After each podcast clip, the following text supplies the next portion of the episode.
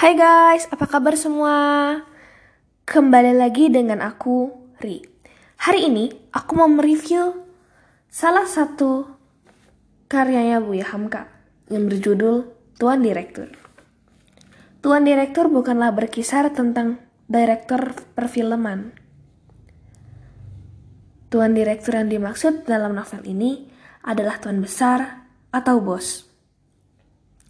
Tuan Direktur alias Jazuli adalah seorang pemuda Banjar yang telah mencoba mengundi nasib di kota Surabaya.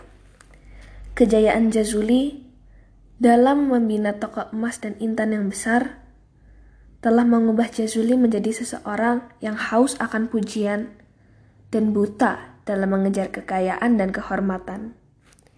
Dikelilingi oleh teman-teman yang hanya sekedar mengambil kesempatan kekayaannya, seperti Mas Karto, Margono, Pak Mustafa, Sumarta, dan Kadri yang senantiasa memuja-muja Tuan Direktur justru semakin membuatnya semakin lupa diri. Pak Yasin pula adalah seorang lelaki tua yang pemurah dan ramah dengan siapa pun. Sikap Pak Yasin ini menjadikan semua orang senang dengannya khususnya penyewa-penyewa di lapak tanahnya yang diurus oleh Pak Yasin.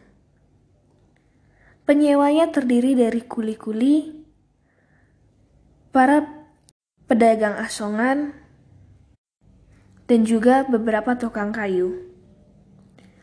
Pak Yasin berbesar hati mengurus masjid sebagai tempat berkumpulnya bersama mereka sekaligus menambahkan dan mengajarkan mereka ilmu-ilmu Islam.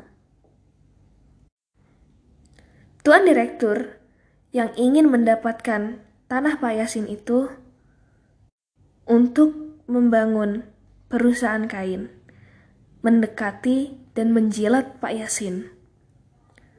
Setiap hari utusannya selalu disuruh untuk datang ke Pak Yasin agar menjual tanahnya dengan berbagai suap, seperti diberi uang tunai, disajikan makanan yang enak, dan juga diajak keliling-keliling kota. Tetapi semuanya ditolak dengan baik oleh Pak Yasin. Kehidupan Pak Yasin walaupun serba kekurangan, namun Pak Yasin kaya dengan budi bahasa, jiwa yang lapang, dan juga kehidupan yang mengajak kepada ketuhanan telah menarik minat seorang pemuda. Fauzi namanya.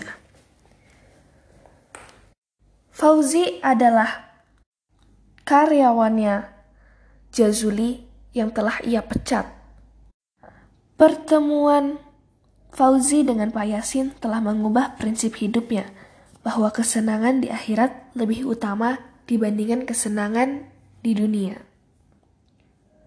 Pak Yasin dan Fauzi, serta beberapa orang pelajar yang buta huruf, serta Tuan Direktur sendiri, telah ditangkap oleh pihak yang berkuasa atas fitnah melakukan rapat rahasia untuk menjatuhkan pemerintah.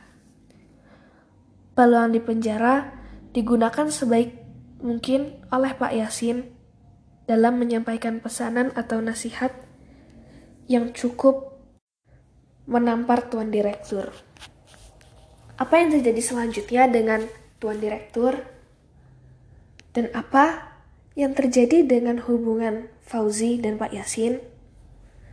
Simak kelanjutannya di buku Tuan Direktur ya guys.